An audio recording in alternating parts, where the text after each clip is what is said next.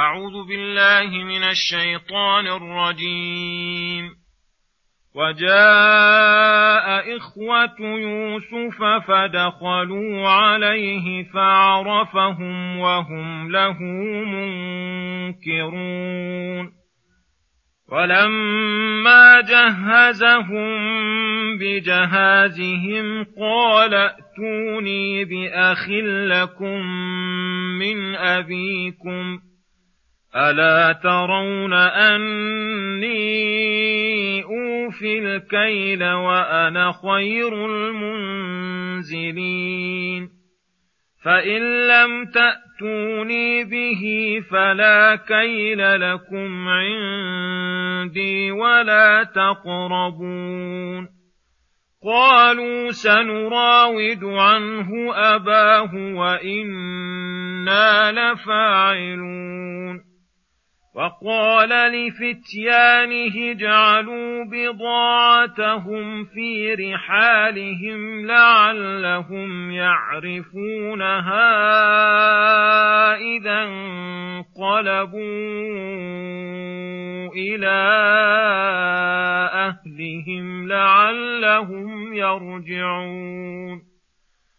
فلما رجعوا إلى أبيهم قالوا يا أبانا منع منا الكيل فأرسل معنا أخانا فأرسل معنا أخانا نكتل وإنا له لحافظون قال هل آمنكم عليه إلا كما أمنتكم على أخيه من قبل فالله خير حافظا وهو أرحم الراحمين ولما فتحوا متاعهم وجدوا بضاعتهم ردت إليهم قالوا يا أبانا ما نبغي هذه بضاعتنا ردت إلينا ونمير أهلنا ونحفظ اخانا ونزداد كيل بعير ذلك كيل يسير قال لن ارسله معكم حتى تؤتون موثقا من الله لتاتونني به الا ان يحاط بكم فلما اتوه موثقهم قال الله على ما نقول وكيل وقال يا بني لا تدخلوا من باب واحد وادخلوا من أبواب متفرقة وما أغني عنكم من الله من شيء. إن الحكم إلا لله. عليه توكلت وعليه فليتوكل المتوكلون.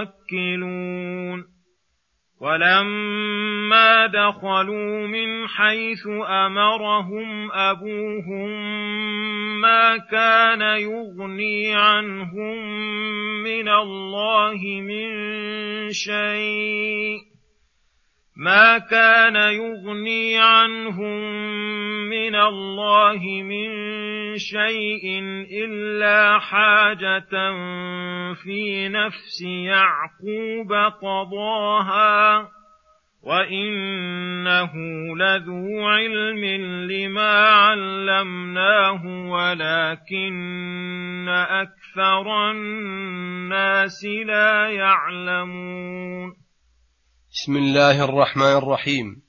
السلام عليكم ورحمة الله وبركاته. يقول الله سبحانه وجاء إخوة يوسف فدخلوا عليه فعرفهم وهم له منكرون. ولما جهزهم بجهازهم قال ائتوني بأخ لكم من أبيكم. ألا ترون أني أوفي الكيل وأنا خير المنزلين؟ فإن لم تأتوني به فلا كيل لكم عندي ولا تقربون. الآيات.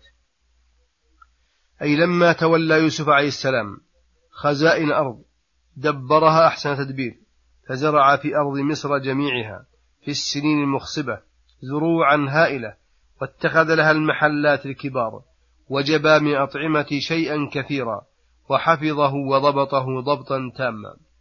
فلما دخلت السنون المجدبة وسرى, وسرى الجدب حتى وصل إلى فلسطين التي يقيم فيها يعقوب وبنوه. فأرسل يعقوب بنيه لأجل الميرة إلى مصر. وجاء إخوة يوسف فدخلوا عليه فعرفهم وهم له منكرون أي لم يعرفوه. ولما جهزهم بجهازهم أي كان, أي كان لهم كما كان يكيل لغيرهم. وكان من تدبيره الحسن أنه لا يكيل لكل واحد أكثر من حمل بعير. وكان قد سألهم عن حالهم. فأخبروه أن لهم أخا عند أبيه وهو, وهو بنيامين قال لهم ائتوني بأخ لكم من أبيكم. ثم رغبهم في الإتيان به فقال ألا ترون أني أوفي الكيل وأنا خير منزلين في الضيافة والإكرام. ثم رهبهم بعدم إتيان به فقال فإن لم تأتوني به فلا كيل لكم عندي ولا تقربون. وذلك لعلمه باضطرارهم إلى الإتيان إليه وأن ذلك يحملهم على الإتيان به. قالوا سنراود عنه أباه. دل هذا على أن يعقوب عليه السلام كان مولعا به لا يصبر عنه وكان يتسلى به بعد يوسف. فلذلك احتاج إلى مراودة في بعثه معهم. وإنا لفاعلون لما أمرتنا به. وقال يوسف لفتيانه الذين في خدمته اجعلوا بضاعتهم أي الثمن الذي اشتروه به من الميرة. في رحالهم لعلهم يعرفونها أي بضاعتهم أي إذا رأوها بعد ذلك في رحالهم لعلهم يرجعون أي لا لأجل التحرج من أخذها على ما قيل. والظاهر أنه أراد أن يرغبهم في إحسان إليهم بالكيل لهم كيلا وافيا ثم إعادة بضاعتهم إليهم على وجه لا يحسون بها. ولا يشعرون لما يأتي. فإن الإحسان يوجب الإنسان تمام الوفاء للمحسن. فلما رجعوا إلى أبيهم قالوا يا أبانا منع منا الكيل. أي إن لم ترسل معنا أخانا فأرسل معنا أخانا نكتل. أي ليكون ذلك سببا لكيلنا. ثم التزموا له بحفظه فقالوا وإنا له لحافظون من أن يعرض له ما يكره. قال لهم يعقوب عليه السلام هل آمنكم عليه إلا كما أمنتكم على أخيه من قبل؟ أي تقدم منكم التزام أكثر من هذا في حفظ يوسف ومع هذا فلم تفوا بما عقدتم من التأكيد فلا أثق بالتزامكم وحفظكم وإنما أثق بالله تعالى. فالله خير حافظا وهو أرحم الراحمين. أي يعلم حالي وأرجو أن يرحمني فيحفظه ويرده علي. وكأنه في هذا الكلام قد لأن لإرساله معهم ثم إنهم لما فتحوا متاعهم وجدوا بضاعتهم ردت إليهم. هذا دليل على أنه قد كان معلوما عندهم أن يوسف قد ردها عليهم بالقصد وأنه أراد أن وأنه أراد أن يملكهم إياها. قالوا لأبيهم ترغيبا في إرسال أخيهم معهم يا أبانا ما نبغي أي أي شيء نطلب بعد هذا الإكرام الجميل حيث وفى لنا الكيل ورد علينا بضاعتنا على الوجه الحسن المتضمن للإخلاص ومكارم الأخلاق. هذه بضاعتنا ردت إلينا ونمير أهلنا. أي إذا ذهبنا بأخينا صار سببا لكيره لنا فنمير أهلنا ونأتي لهم بما هم مضطرون إليه من القوت. ونحفظ أخانا ونزداد كيل بعير بإرساله معنا فإنه يكيل لكل واحد حمل بعير.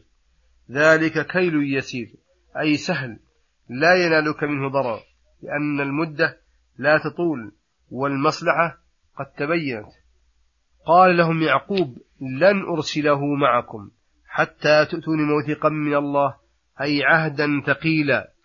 وتحلفون بالله لتأتنني به إلا أن يحاط بكم أي إلا أن يأتيكم أمر لا قبل لكم به ولا تقدرون دفعه.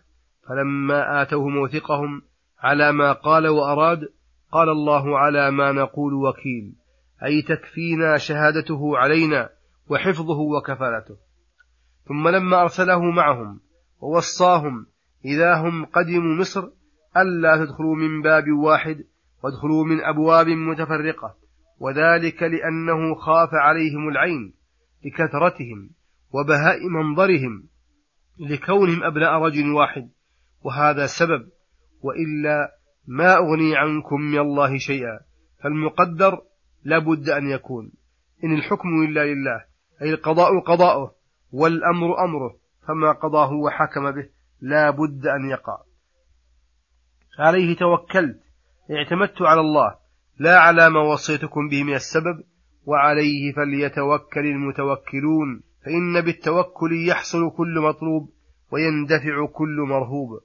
ولما ذهبوا ودخلوا من حيث أمرهم أبوهم ما كان ذلك الفعل يغني عنهم من الله من شيء إلا حاجة في نفس يعقوب قضاها.